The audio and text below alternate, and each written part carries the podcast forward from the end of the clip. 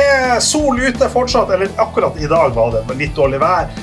Men, ja, men eh, det var jo sol først på dagen, størtregn så, og løvet gult og rødt og grønt om hverandre. Så vi lever jo i klimaendringenes tid, og i dag har vel kanskje vært en, en slags eh, rar klimadag med egentlig god sommervarme, størtregn og litt forskjellig. Og Da blir det gøy, for i dag så har vi besøk ut av Lena Skjønning. Og Lena Skjønning hun jobber på fakultetet, og hun har skrevet doktorgrad om eh, noe sånn hav, havgreier. Det skal vi få vite mer ut av mot slutten av episoden.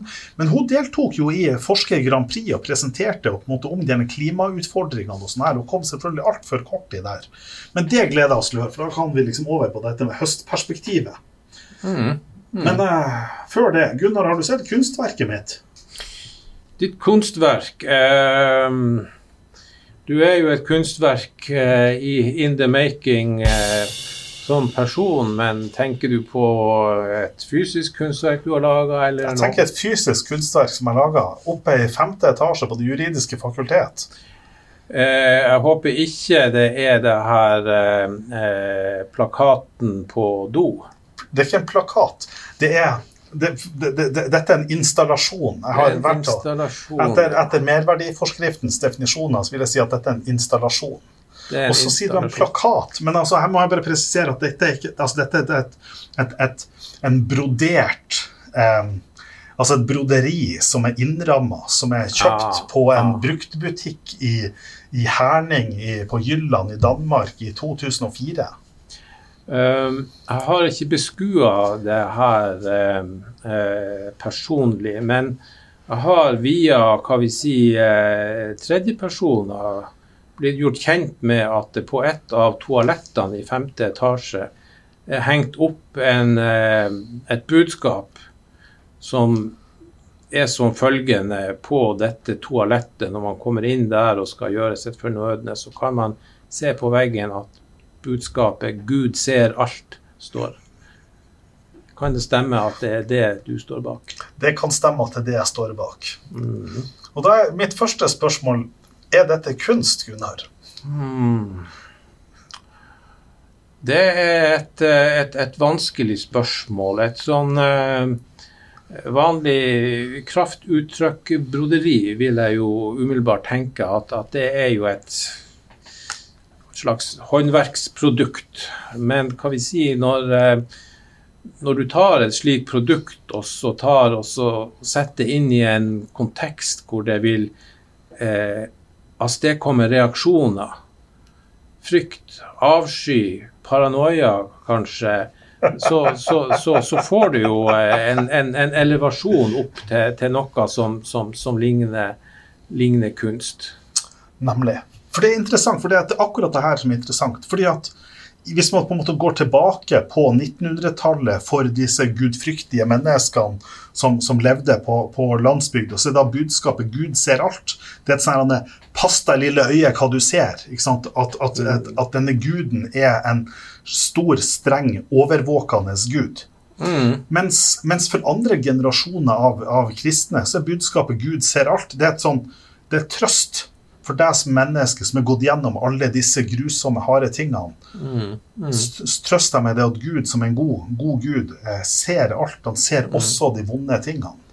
Ja, det blir jo universelt, som ja. har, kan treffe noe hos alle og hos enhver. Altså, hvis man har opplevd mye fælt og trenger trøst, så er det jo en trøst i det at Gud ser alt, og han vet hvem slemmingene er som har uh, vært Nemlig. bad mot deg. Og hva vi sier, og den som har ureint mel i posen, han eh, får jo oppfordring til å kanskje gå i seg sjøl. Ja.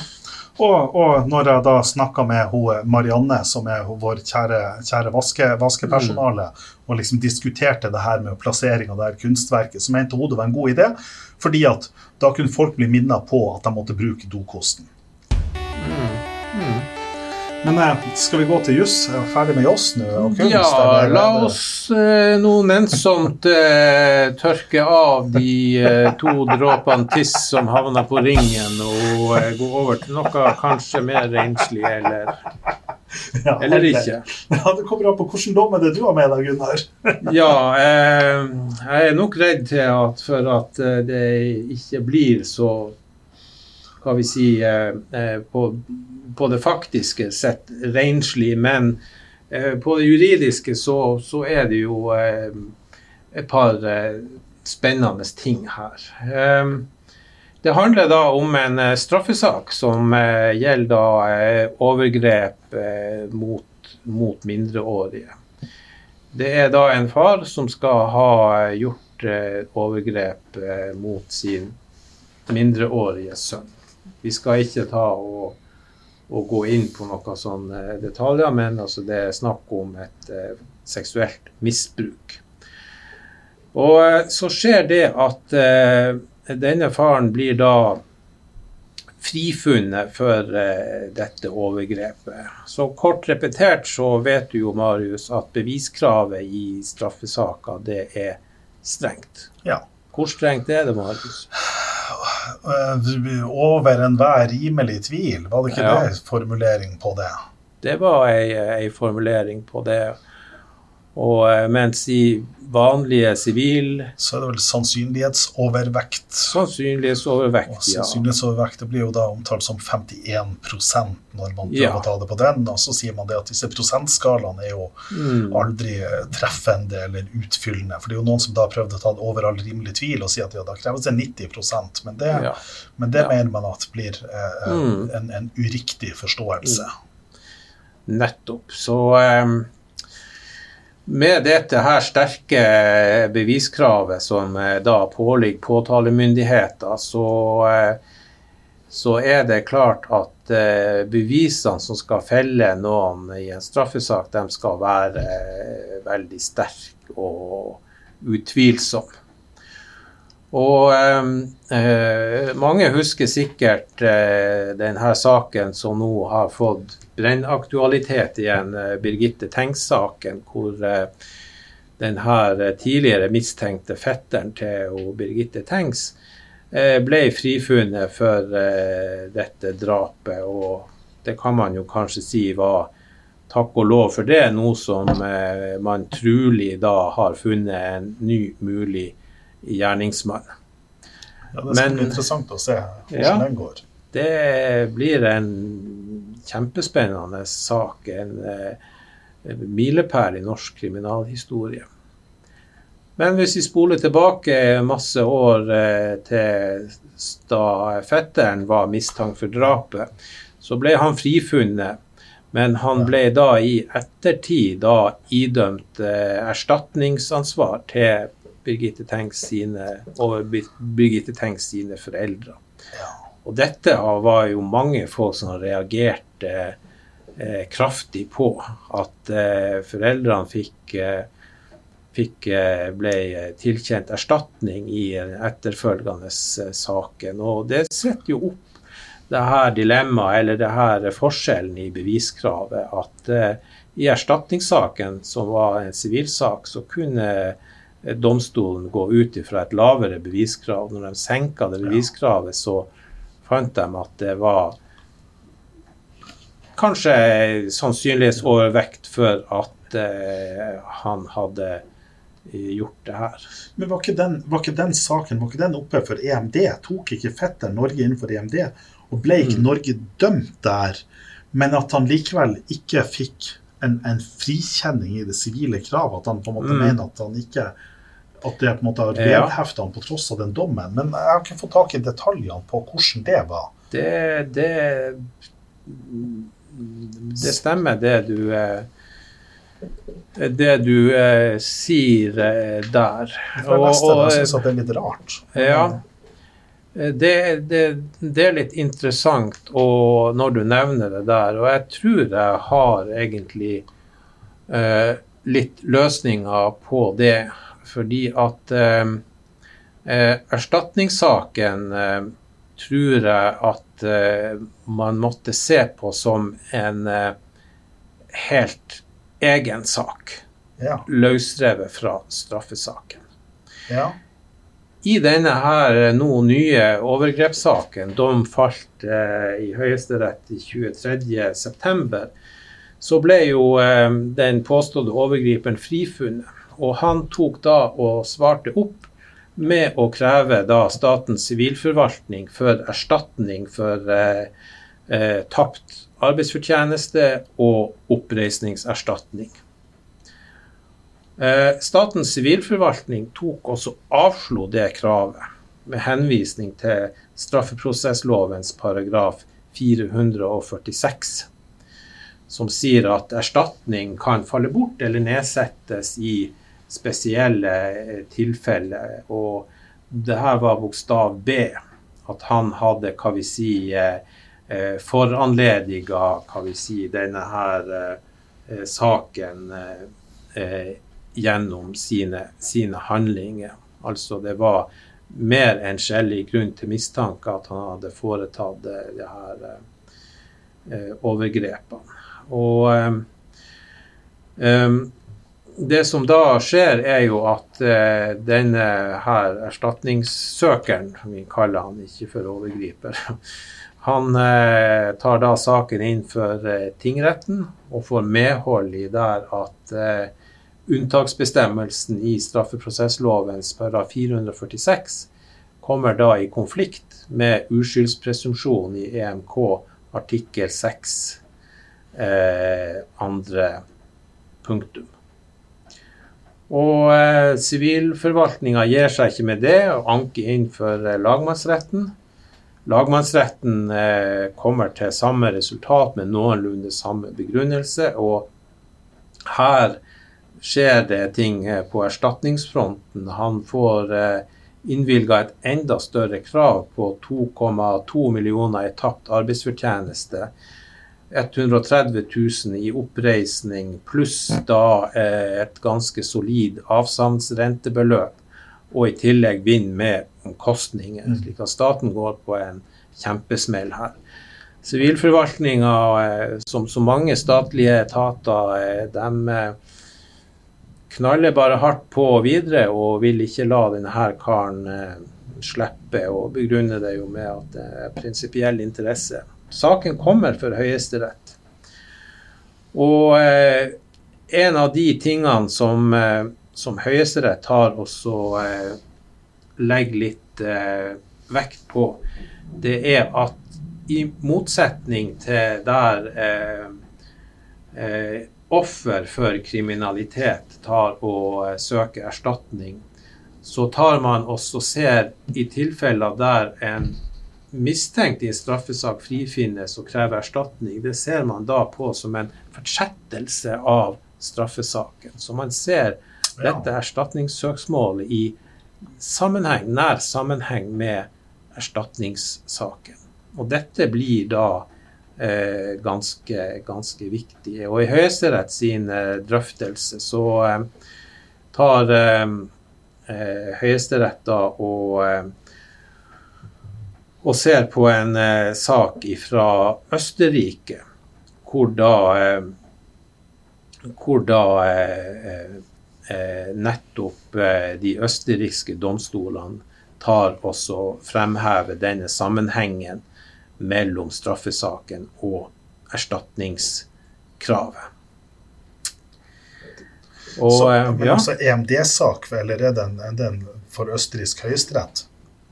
Det. Uh, skal vi se uh, kanskje et litt teknisk spørsmål å plage deg med på slutten av dagen? Ja, det er jo et uh, teknisk spørsmål, men altså det her er jo da en, en, en sak for EMD. Ja, ja. Det er saken Sekanina mot Østerrike, ja. EMD 1987, bindestrek 131 261. Så her kan du Nei, bindestrek 131 26. Så den kan du kose deg med etterpå. Og eh, det, det, men altså det som var avgjørende for EMD, var jo da eh, det her med at det er, det er en eh, eh rettslig og faktisk sammenheng mellom straffesaken og eh, erstatningskravet. og eh, det som eh, da lagmannsretten tar og eh, eh, sier som er helt avgjørende i vår sak, det er at erstatningsbortfall ikke kunne begrunnes med at siktede har begått handlingen han er frifunnet for, når den frifinnende dommen bygger på at det ikke er tilstrekkelig bevis at han har begått handlingen. At siktede i straffesaken ble idømt erstatningsansvar overfor fornærmede, kunne ikke endre dette. Ja.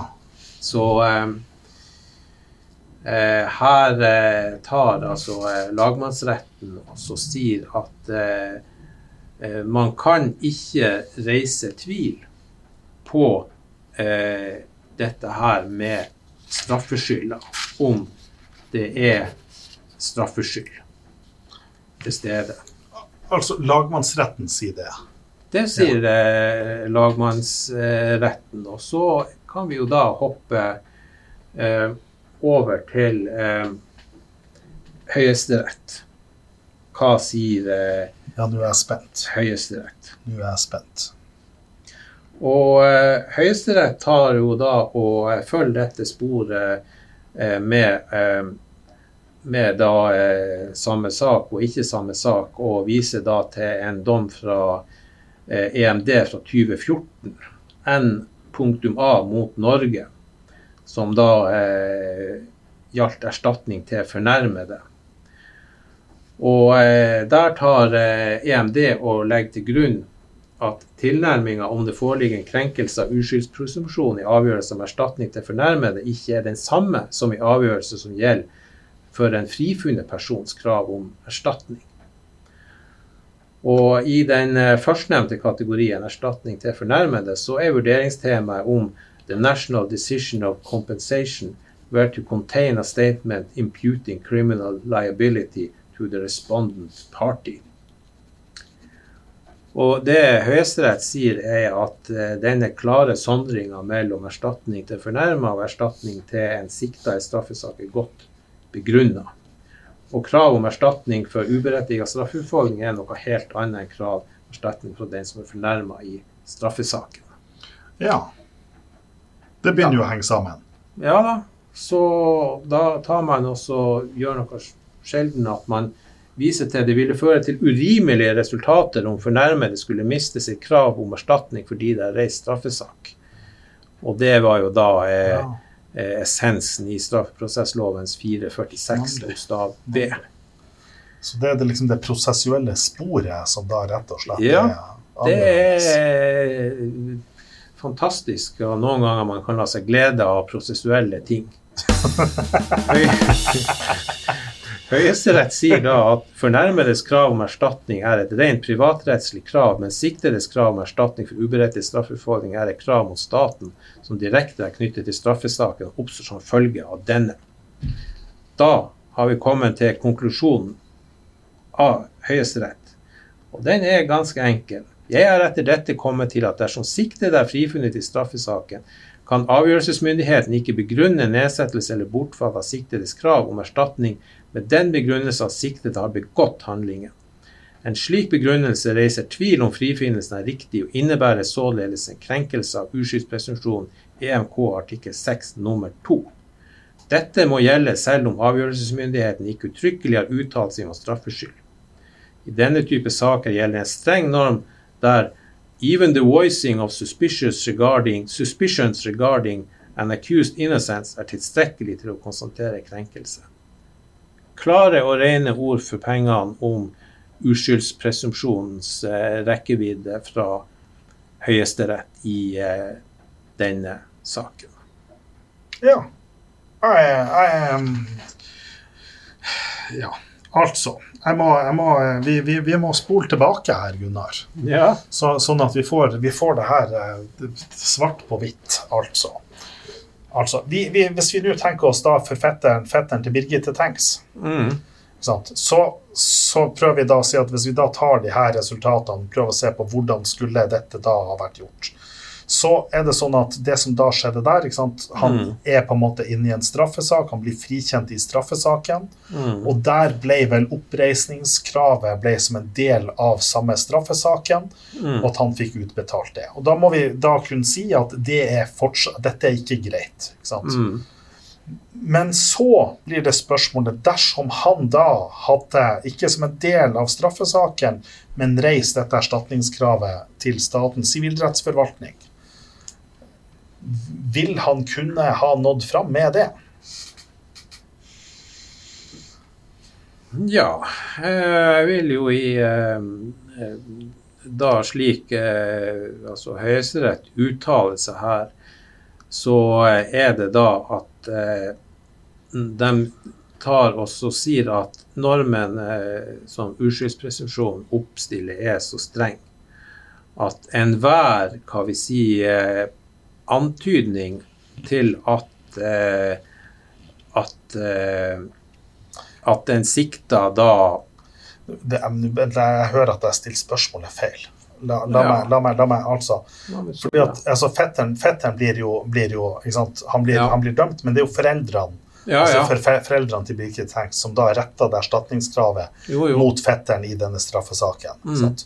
Og så, hvis de da hadde gått til Statens sivilrettsforvaltning, så vil det være sånn at dersom Da er spørsmålet er det mulig for Statens sivilrettsforvaltning å lage til et vedtak der man gir erstatning til foreldrene mm, uten å ja, det egentlig være, voice Det vil jo være en annen ordning. Da, det vil det ja. være altså at, at eh, slags uh, altså voldsoffererstatning. Uh, ja. altså, uh, men altså, de er jo ikke direkte skadelidt som voldsoffer her, så det er jo en slags for tredjemannsskade. Ja, nemlig. Og det er jeg jo ikke 100 sikker om er, er dekka av, av, av den. Jeg tror, jeg tror at det vil kunne omfattes, men, men mm. la oss nå ta de her nødvendige forbeholdene. Jeg tror det vil kunne mm. men der tror jeg også at, at der er det heller ikke et krav om at man har påvist en, en altså hvem er det som har gjort den straffbare handlinga. Her vil være mm. tilstrekkelig å, å, påvise at de er offer for et, en, en voldshandling. Ja. Ja da, og det gjør jo ting Ja, det, det, vil jo bli en ganske enkel vurdering om, ja. Om de uh, har det. Men uh, erstatningskravet her var jo, uh, var jo mot, mot fetteren personlig. Mm. Slik at vurderingstemaet der vil jo da være om Ja, altså at om, om altså det forelå årsaks, årsakssammenheng, nærmest. Mm.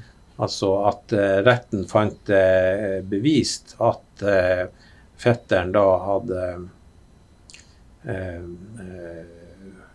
At det var sammenheng mellom fetterens handling og den erstatningsbetingende skaden. Ja. For å si det litt nøytralt. Ja, nemlig. Så så Det som var det spesielle her, var jo at det virka jo støtende på, på altså folk, allmennhetens rettsfølelse. Da at eh, i et sivilt erstatningskrav skulle man komme fram til at det var tilstrekkelig mm. bevist at eh, fetteren hadde forvoldt Birgitte sin død, mens det i straffesaken eh, ikke var tilstrekkelig bevis, slik at han ble frifunnet for, for, eh, for, for straff.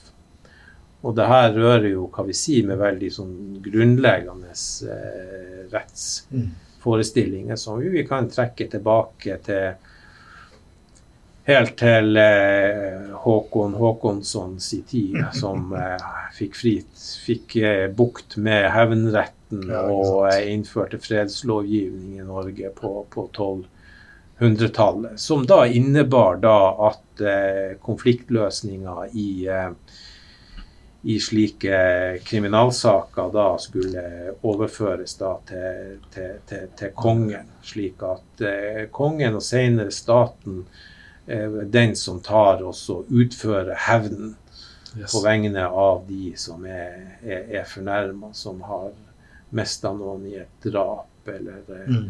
den som er skada i et overfall. Gunnar, vi må gå videre. Ja, det det er sånn som eh, livet er. Man må alltid gå videre, enten det er glade eller triste ting. er du klar til min dom? Jeg har eh, stålsatt meg nå i eh, lengre tid. Du har det, ja. Vi skal, på, vi, vi, vi, vi skal til eh, ut, utlendingsretten, og vi skal til, eh, til um, innvandringspolitiske hensyn, og vi skal til arbeids, rett til arbeids, men vi skal også til humanitært. Um, kan vi kalle det humanitær bistand? Det høres ut som en uh, skikkelig uh, cocktail, men ta nå og rull inn det menneskelige aspektet her. Ja, ja, det skal jeg prøve å gjøre. For det som, det som altså, for det her er liksom hvor mye detaljer, liksom, hvor langt er det man skal ned i faktumet. fordi at liksom På overflata, man leser faktumet liksom først, først. Så det som skjer, er det at det er da en fyr som da er um, er ikke født i Norge. Han på en mm. måte tilhører en annen, en annen kultur enn norsk kultur, er sånn som det blir begrunna i dommen. Um, så er det da to karer som da på en måte via en venn som tar kontakt og spør kan, kan de få lov til å bo i kjelleren din. Du har jo et rom i kjelleren din der det er plass. Og han sier eh, klart det. Liksom i, i, min kultur så er det sånn at man må på en måte være gjestfri. Og den gjestfriheten, det er jo, helt, er jo liksom helt naturlig. Eh, Så er, det som, så er det som da skjer, at de her karene da kommer inn eh, hjem til han, de bor i kjelleren hans, og så etter seks dager eller noe sånt, så kommer da politiet på besøk og sier aha, dere har bodd ulovlig i kjelleren hans. Og så oppstår spørsmålet hva kan han da straffes for å ha dem der opp, oppholdt seg her? Og da sier, og utlendingslovens paragraf 108 fjerde ledd bokstav A den sier at eh, altså, eller straffebeslutninga for forsettlig å ha hjulpet en utlending til ulovlig opphold i riket eller i et annet land som deltar i Schengen-samarbeidet. Um, ja. Så det er liksom det som på en måte Er det sånn at han da har forsettlig hjulpet denne utlendingen til et ulovlig opphold i riket eller i et annet land? Mm. Og det er på en måte liksom hoved, hovedspørsmålet. Ja, ja. Men du som har litt kjennskap til sånne her, hvis, eh, hvis han tok kontakt med ei, eh, ei eller annen menighet og fikk eh, vidd kjelleren sin til kirka, kunne ikke det gått som kirkeasyl? Nemlig. Og det er, jo, det er jo også, Men det er jo akkurat det er jo litt interessant, fordi at, fordi at da blander du inn den gamle mm. asyltanken. Ja. Og, det, og, den problematis og der er, tenker jeg at der er vi fortsatt ikke helt avklart. altså, mm. hvordan den er. Men der er jo tanken sant, at når, og den jo, henger jo tilbake til, til middelalderen, til, til, som du akkurat viste deg til. Mm. For da er jo tanken sant, at når noen på en måte, For å, for å stoppe hevn, fra hevn, mm. hevn, så er det sånn at hvis man på en måte har gjort en eller annen handling, så skulle man da f.eks. dra til en kirke, og så er det da regler om at du skal ikke ha hevn i et gudshus. Mm. Og dermed mm. så er det sånn at Så lenge som man da oppholder seg i det her gudshuset, i et, så er det et asyl, det er et freda, mm. freda område. Og så er det spørsmålet har den her, eksisterer denne ordninga fortsatt, og hvor man da som en følge ut av det sier at da kan man ikke, heller ikke staten kan komme inn og utøve ja, vold der. Setter jo folk i kirkeasyl på endte året et par plasser. Gjør det. Sånn at, sånn at det, er jo, det, det, er en del ut av den her. Eh, det, det, det, er jo det, men det var et sidespor. Jeg tar liksom mer og, og tenker på Du ga et sånt stikkord altså på, på, på humanitære ting her. Yes. Og for å bli dømt etter den bestemmelsen i utlendingsloven, altså du, du må jo ha en eh, Er det et forsettskrav her? Jo, jo det, jeg mener det er et forsettskrav, men det er klart, mm. men han har jo et forsett med tanke på å la dem oppholde seg der. Ja. Mens det som er unntaket her, for at i, i 108, eh, paragraf 108 sjette ledd så fastsetter straffritak for, det, for, for medvirkere som yter humanitær bistand bistand til utlendinger som oppholder seg ulovlig i riket. Mm, mm. Sånn at spørsmålet er vi på et straffefritak for noen som da medvirker ved humanitær bistand. Mm. Eh, og så går og det I, i Høyesteretts avgjørelse så går man på en måte inn på lovhistorikken så ser ja. man hva menes med dette med humanitær bistand. Nettopp. og eh, Jeg har ikke lest avgjørelsen, men altså humanitær bistand, har det noe midlertidig over seg? Um, Nei um, Det er et godt spørsmål. Jeg klarte ikke egentlig å se at det er noe midlertidig i det her. Altså, altså Ordet humanitær peker mot å dekke menneskelige behov, og bistand indikerer at det egentlig dreier seg om at det skjer krav om, om en ytelse uten en motytelse. Mm. Etter mitt utstyr, sant, Høyesterett sier, kan humanitær bistand beskreves som uegennyttig hjelp til dekning av fysiske livsnødvendigheter Mm. og tilgrensa menneskelige behov. Så jeg klarer ikke å si at det er noe tidsavgrensning her. Nei. Nei. Men øh, øh, den er grei, hva vi sier. Men, men hvis vi hopper tilbake til, til utlendingsloven, altså ulovlig opphold i riket, Ja. hvordan tar eh, det og skal avveies mot humanitær bistand?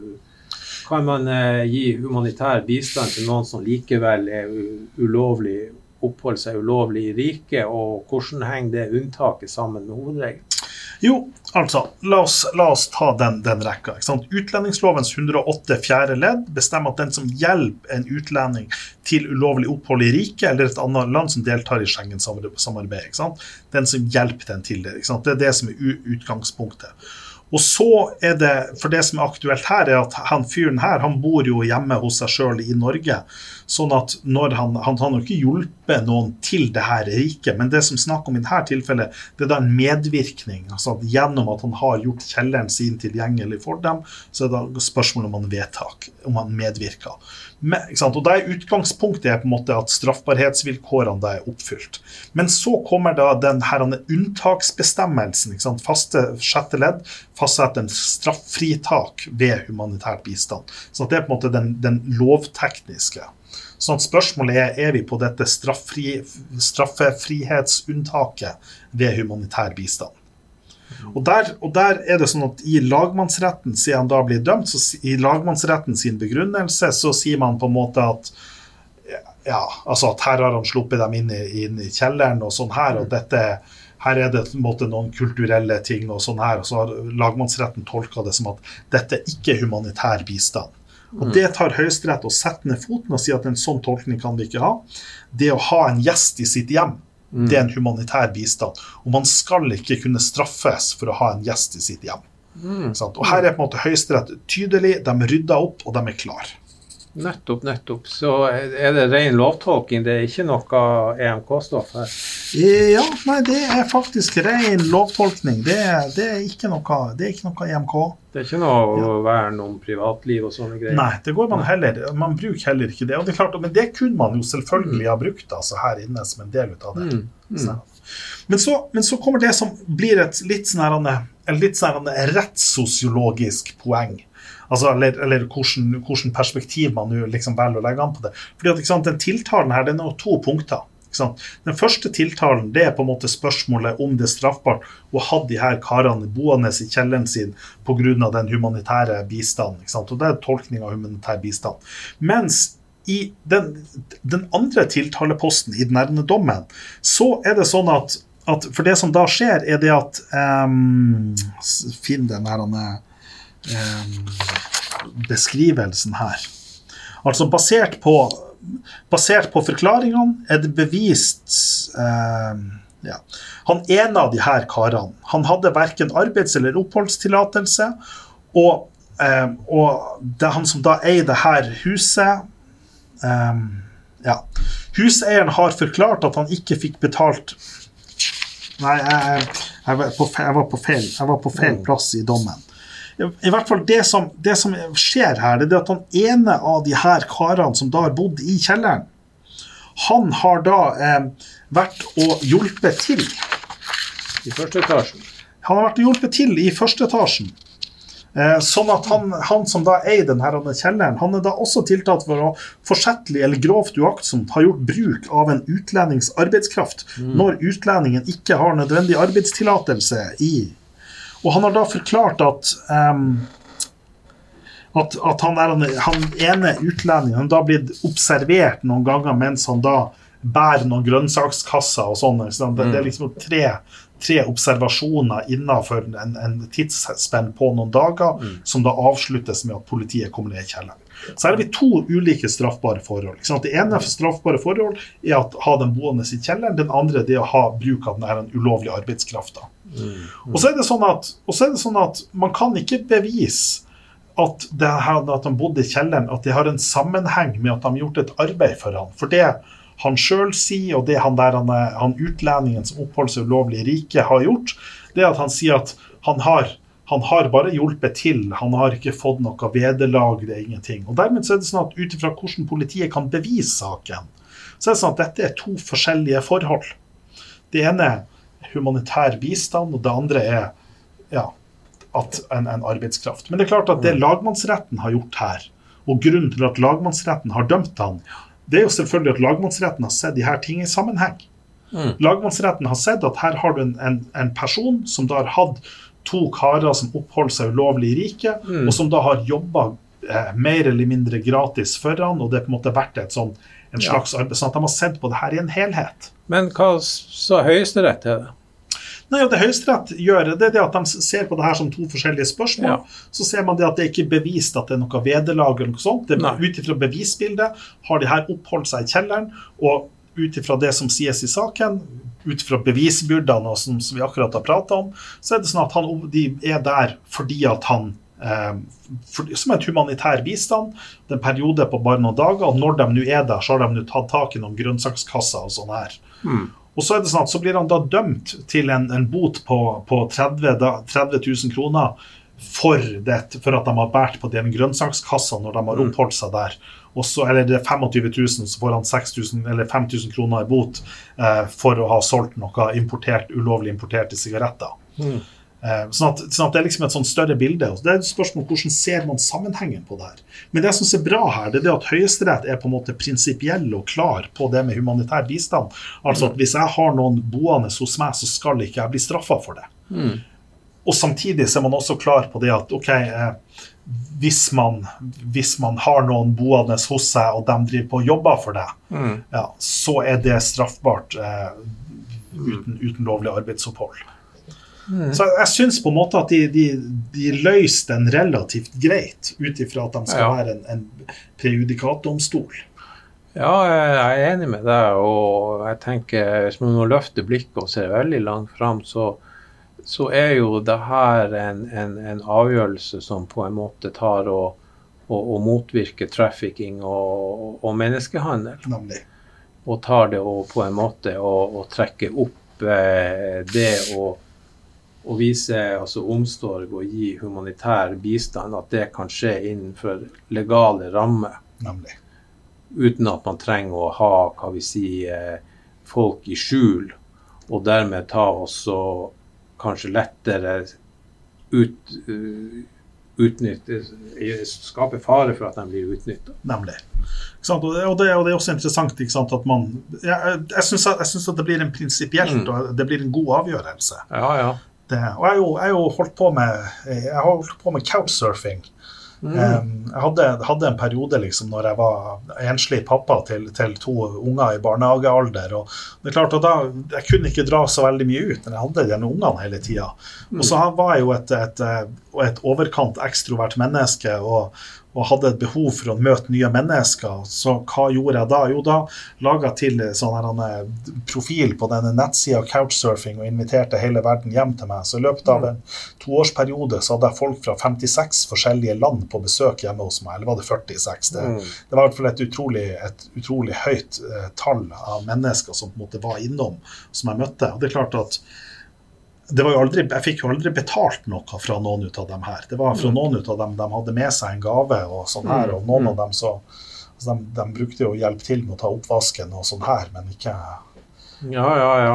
Men eh, det er jo artig at eh, man ser altså at den, den norske nett, nattvekterstaten, hvor eh, altså den sikreste måten å, å, å havne i, i fengsel på, det er jo å slurve med merverdiavgiftsbetaling og, og gjøre sånne eh, hva vi si, forseelser som tar og, eh, og eh, angår hva vi si, de mest sånn knivskarpe regulatoriske myndighetshåndhevelser, altså alt som går med skatt og arbeidsliv Ja. og sånt. Så, Det er klart, men det er jo ikke bare norsk tradisjon. det. Hvis Mm. du går til USA, Al Capone, USAs største gangster, hva var han til slutt ble fengsla for? Jo, det var jo Det var jo akkurat de her Mm. reglene, skattelovgivning. Ja, det er jo, her er det fristende til å dra en, dra en, dra en eh, sammenligning til han Ropstad, men jeg klarer ikke å gjøre det uten at det Mm. blir krenkende, så det skal jeg la være. Nei da, vi, eh, vi, vi, vi lar eh, The Robstad Connection ta og, og, og falle. Vi, eh, vi holder oss for gode til det. Ja. Tida den går så fort i eh, dårlig selskap, og endelig så har vi kommet til denne delen av episoden hvor vi tar og så fordobler da tilstedeværelsen av menneskelig intelligens her i rommet, nemlig til dagens eh, gjest. Yay! Og dagens gjest, hvem er det, Marius? Eh, Det, Ja. ja, skal jeg, skal, jeg, skal jeg begynne å fyre? ja, sett bare i gang. Ja, men da gjør jeg det. Dagens gjest det er hun Lena Skjønning. Og hun eh, har jobba på fakultetet i noen år. Og hva i all verden er det du gjør på fakultetet? Hva jeg gjør på fakultetet? Ja, Eller har- kanskje vi heller skal spørre hvem er du? Hvem er jeg? Ja, jeg kan ta litt om min eh, karrieremessige Ja. bakgrunn. da. Um, jeg har akkurat em, forsvart doktoravhandlinga mi her på Universitetet i Tromsø. Eh, jeg er jurist i bunn. Jeg tok Som de fleste utdannelsen som er min, som de fleste som er her, kanskje, men jeg tok utdannelsen min i Oslo for 20 år siden. Ja, så det kan komme noe bra fra Oslo også. Er. Mm. Er Innimellom jo, kommer det noe sivilisert derfra også. spørsmålet er jo om hun er god på bunnen òg, da. Ja. Det vil, det vil vise seg. Ja. Så jeg har jo gjort litt av hvert annet før jeg begynte her um, på denne doktorgraden. Så jeg jobba i et advokatfirma i Oslo i en del år. Så jobba jeg som konsernadvokat i et internasjonalt solenergifirma i en del år. Og så flytta jeg til Tromsø og jobba som konsernadvokat i Troms Kraft noen år. Før jeg begynte på doktorgraden min for fire år siden. Og hva er det du har brukt disse årene på? De her siste årene de har jeg brukt på å forske på først helhetlig havforvaltning, og så etter hvert hvordan det bidrar til ivaretakelse av det marine miljøet. Helhetlig havforvaltning og hvordan det bidrar til beskyttelse av det marine miljøet. Yes. Her tror jeg det at man er nødt til å begynne på en sånn NSF, naturlig språklig forståelse. Helhetlig havforvaltning. Mhm. Altså eh, hav, hav, det er jo liksom det, det som er salt og vått. Og forvaltning er hvordan vi ivaretar havet, hvordan vi passer på det, hvordan vi regulerer det. Ja, altså Utfordringen begynner allerede der. fordi at Ja. hva er det egentlig man forvalter? Hva er det man styrer, og hva kan man styre? Kan man på en måte forvalte og styre havet, eller er det på en måte den vinklinga jeg tar da, det er jo menneskene og menneskelig aktivitet vi styrer. Ja. Så det er jo disse, disse aktivitetene vi styrer, men det kalles jo for havforvaltning, det ocean management eller ocean governance. Og havstyring kan man også bruke på norsk. Fordi at vi har jo ikke sant, forvaltning, da er det jo vanligvis er det jo ikke sant, det- de offentlige organer og styring, altså kommunene, eller, eller man kan også forvalte med pengesekk eller noe sånt. Mm. Mens kan du forvalte naturen? Ja, men vel så interessant så er det jo å klarlegge hvem er det som er disse forvalterne. Er det her norske myndigheter gjennom hva vi sier, kjente lover sånn som saltvannsfiskeloven, eller er det internasjonale myndigheter som tar og eh, prøver å, å forvalte havene sånn at vi minsker plastforsøplinga? Er det begge deler, eller er det rent folkerettslig? Så... Og det, et- det er et nyttig perspektiv, Gunnar, fordi Mm. det, det fokuserer jeg altså på. Det kommer jo an på hvem aktøren er. Hvem er den styrende aktør? Og innenfor dette fagområdet, som man kan kalle det for eh, havforvaltning, da, eller ocean governance, så er det veldig vanlig å se på mange aktører under ett. Um, Og da aktører, som er vi da Som er vi da nasjonale myndigheter, det kan jo være interesseorganisasjoner, det kan være um, interesse, ja, NGO-er f.eks. Um, og internasjonale uh, organisasjoner osv. Ja. osv. Mange typer forskjellige aktører, men jeg fokuserer bare på nasjonal havforvaltning. norsk nasjonal havforvaltning. Nei, nasjonal, som i norsk er ett eksempel på Ja, den typen. Ja. Mm. Så altså helhetlig forvaltning Nei, helhetlig havforvaltning. Vi kan ikke snakke om hva er havforvaltning, men helhetlig, hva man tenker da? Ja, og det er jo en veldig sånn trend i tida, det her med alt helhetlige. Eller integration bruker man ofte på engelsk. Eh, og det syns jo jeg det er litt sånn spennende, fordi at eh, i utgangspunktet så kan man jo si at ethvert problem eller ethvert mål løses jo bedre helhetlig enn i deler. Så det er jo en litt sånn begrunnelse du kan bruke på hva som helst, nesten. Eh, Så jeg, jeg forsøker å gå litt mer inn i dybden. Hva er det? Er det egentlig bare et annet perspektiv enn tidligere anvendte perspektiv, da? Men, men jeg husker når jeg, når jeg begynte på jusstudiet, så var det jo en av de tingene som frustrerte meg da, det var jo det at, at jeg fikk forelagt meg et eller annet spørsmål, og så kunne jeg kanskje ha en mening og en, en oppfatning av hva, hvordan burde dette spørsmålet løses. Eh, Men så var det jeg da var nødt til å lære i jusstudiet, det var det at denne oppfatninga, den måtte jeg da stykke opp. Og da måtte jeg finne tak i de ulike delene som jeg finner tak i hva er det som er begrunnelsen og argumentasjonen. sånn at jeg måtte på en måte gå fra en helhetlig oppfatning, eller en integrert oppfatning, til at det jeg lærte på jusstudiet, var de smådelene i det. F.eks. i strafferetten så kan du si at, at ja, man får presentert et faktum, så vi kunne tenke at ja, det, her er den rimelige løsninga at den tiltalte går fri. Men så når de gjorde det på jusstudiet, så måtte man jo først liksom gå gjennom alle vilkårene før man kom til at her var personen ikke strafferettslig tilregnelig. Er denne analogien, har det noe som helst med helhetlig å gjøre? Eller nå ser jeg du, ser jeg du syns at jeg er på jordet. sliter litt med å prøve å finne det. Men egentlig helhetlig, det passer jo til alt mulig. Så kanskje det er poenget, så det kan passe til det Mm. Så da, etter mitt syn, blir det jo viktig å være litt mer presis på hva Mm. vi mener når vi snakker om helhetlig havforvaltning. Ja. Ehm, så kanskje det er mitt beste svar. Mm. Men, men ok, men da har vi snakket om helhetlig. Men, hva, men du har, altså, og med, med tanke på hva? Med tanke på beskyttelse av det marine miljøet. Og da er det jo valgt ei vinkling der. Fordi at Ja. Ja, fordi at den er liksom et, et konsept, eller dette begrepet, hav, helhetlig havforvandling. og det assosieres oftest med at man sier at det bidrar til å oppfylle samfunnsmessige mål. Økonomiske, sosiale og miljømessige mål. Eh, så det er høye ambisjoner knytta til denne typen eh, konsepter. Så jeg velger jo da å dykke litt ned i det ene av disse typen eh, samfunnsmessige mål for å se om lever egentlig dette helhetlige havforvaltning opp til forventningen. ja. Og gjør det det? I begrensa grad, ja.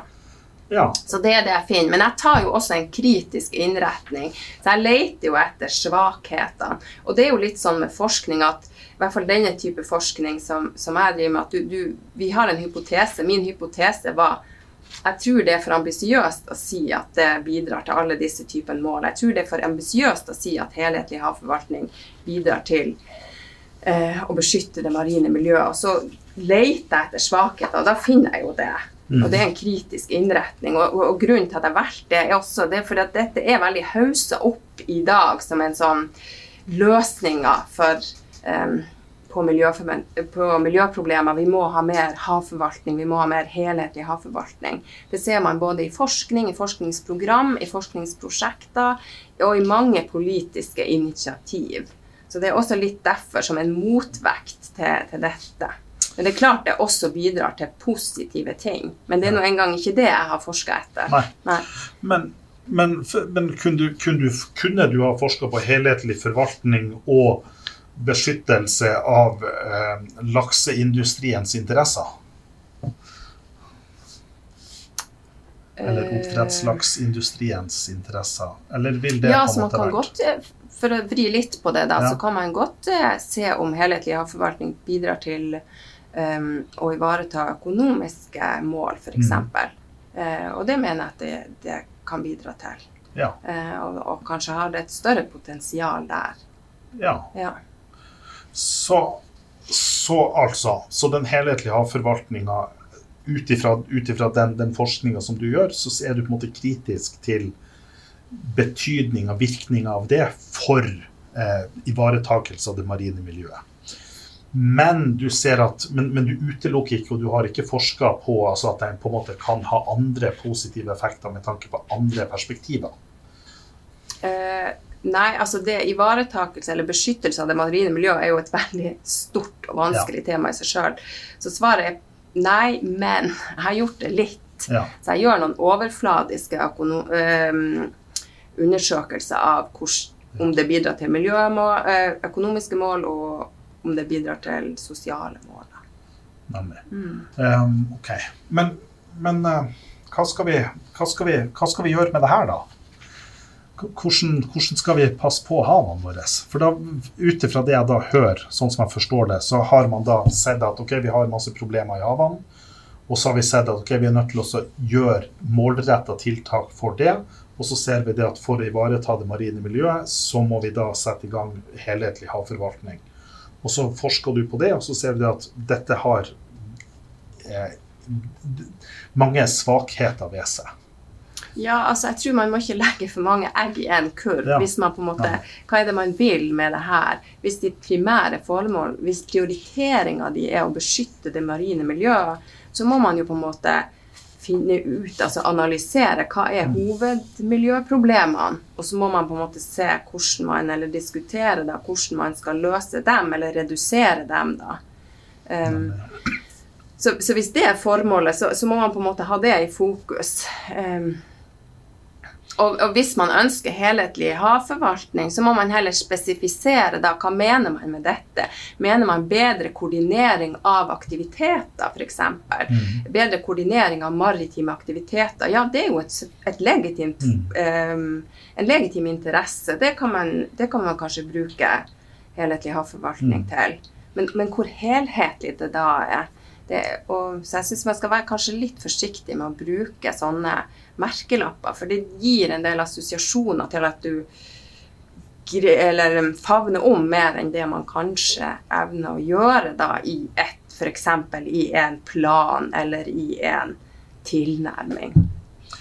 Men er det sånn at er det sånn at man ikke har hatt ei tydelig nok politisk styring på det her? Hvor, altså, hvor er svikten? Er det vi fagfolk som på en måte har gjort for dårlige analyser? Er det, er det på en måte de økonomiske interessene som har på en måte gått foran og, og trumfa gjennom og påvirka forvaltningssystemet? Er det politikerne som ikke har vært nok på ballen? Er det litt sånn, hva, Har du en sånn Jeg tror det er en ganske sammensatt begrunnelse. Um, og og um, jeg tror en viktig del av det er at man må hele tida oppdatere sin egen forståelse. Hva er miljøproblemene i dag, eh, og hvilken skala har de, f.eks. Um, de maritime aktivitetene, shipping, fiske, eh, oljeutvinninger, offshore, det er ikke de som forårsaker de marine miljøproblemene, for å si det litt sånn grovt sagt. Da, ikke sant? Eh, hvis du skal lete etter hva er de store miljøproblemene, så peker de ikke så mye på det. Ok, Overfiske er et av de, sånn at akkurat for den så er det en match. Så det, man må liksom Det er komplisert um, Hva skal jeg si um, ja, Man må oppdatere problemforståelsen sin Ja. da, på den sida.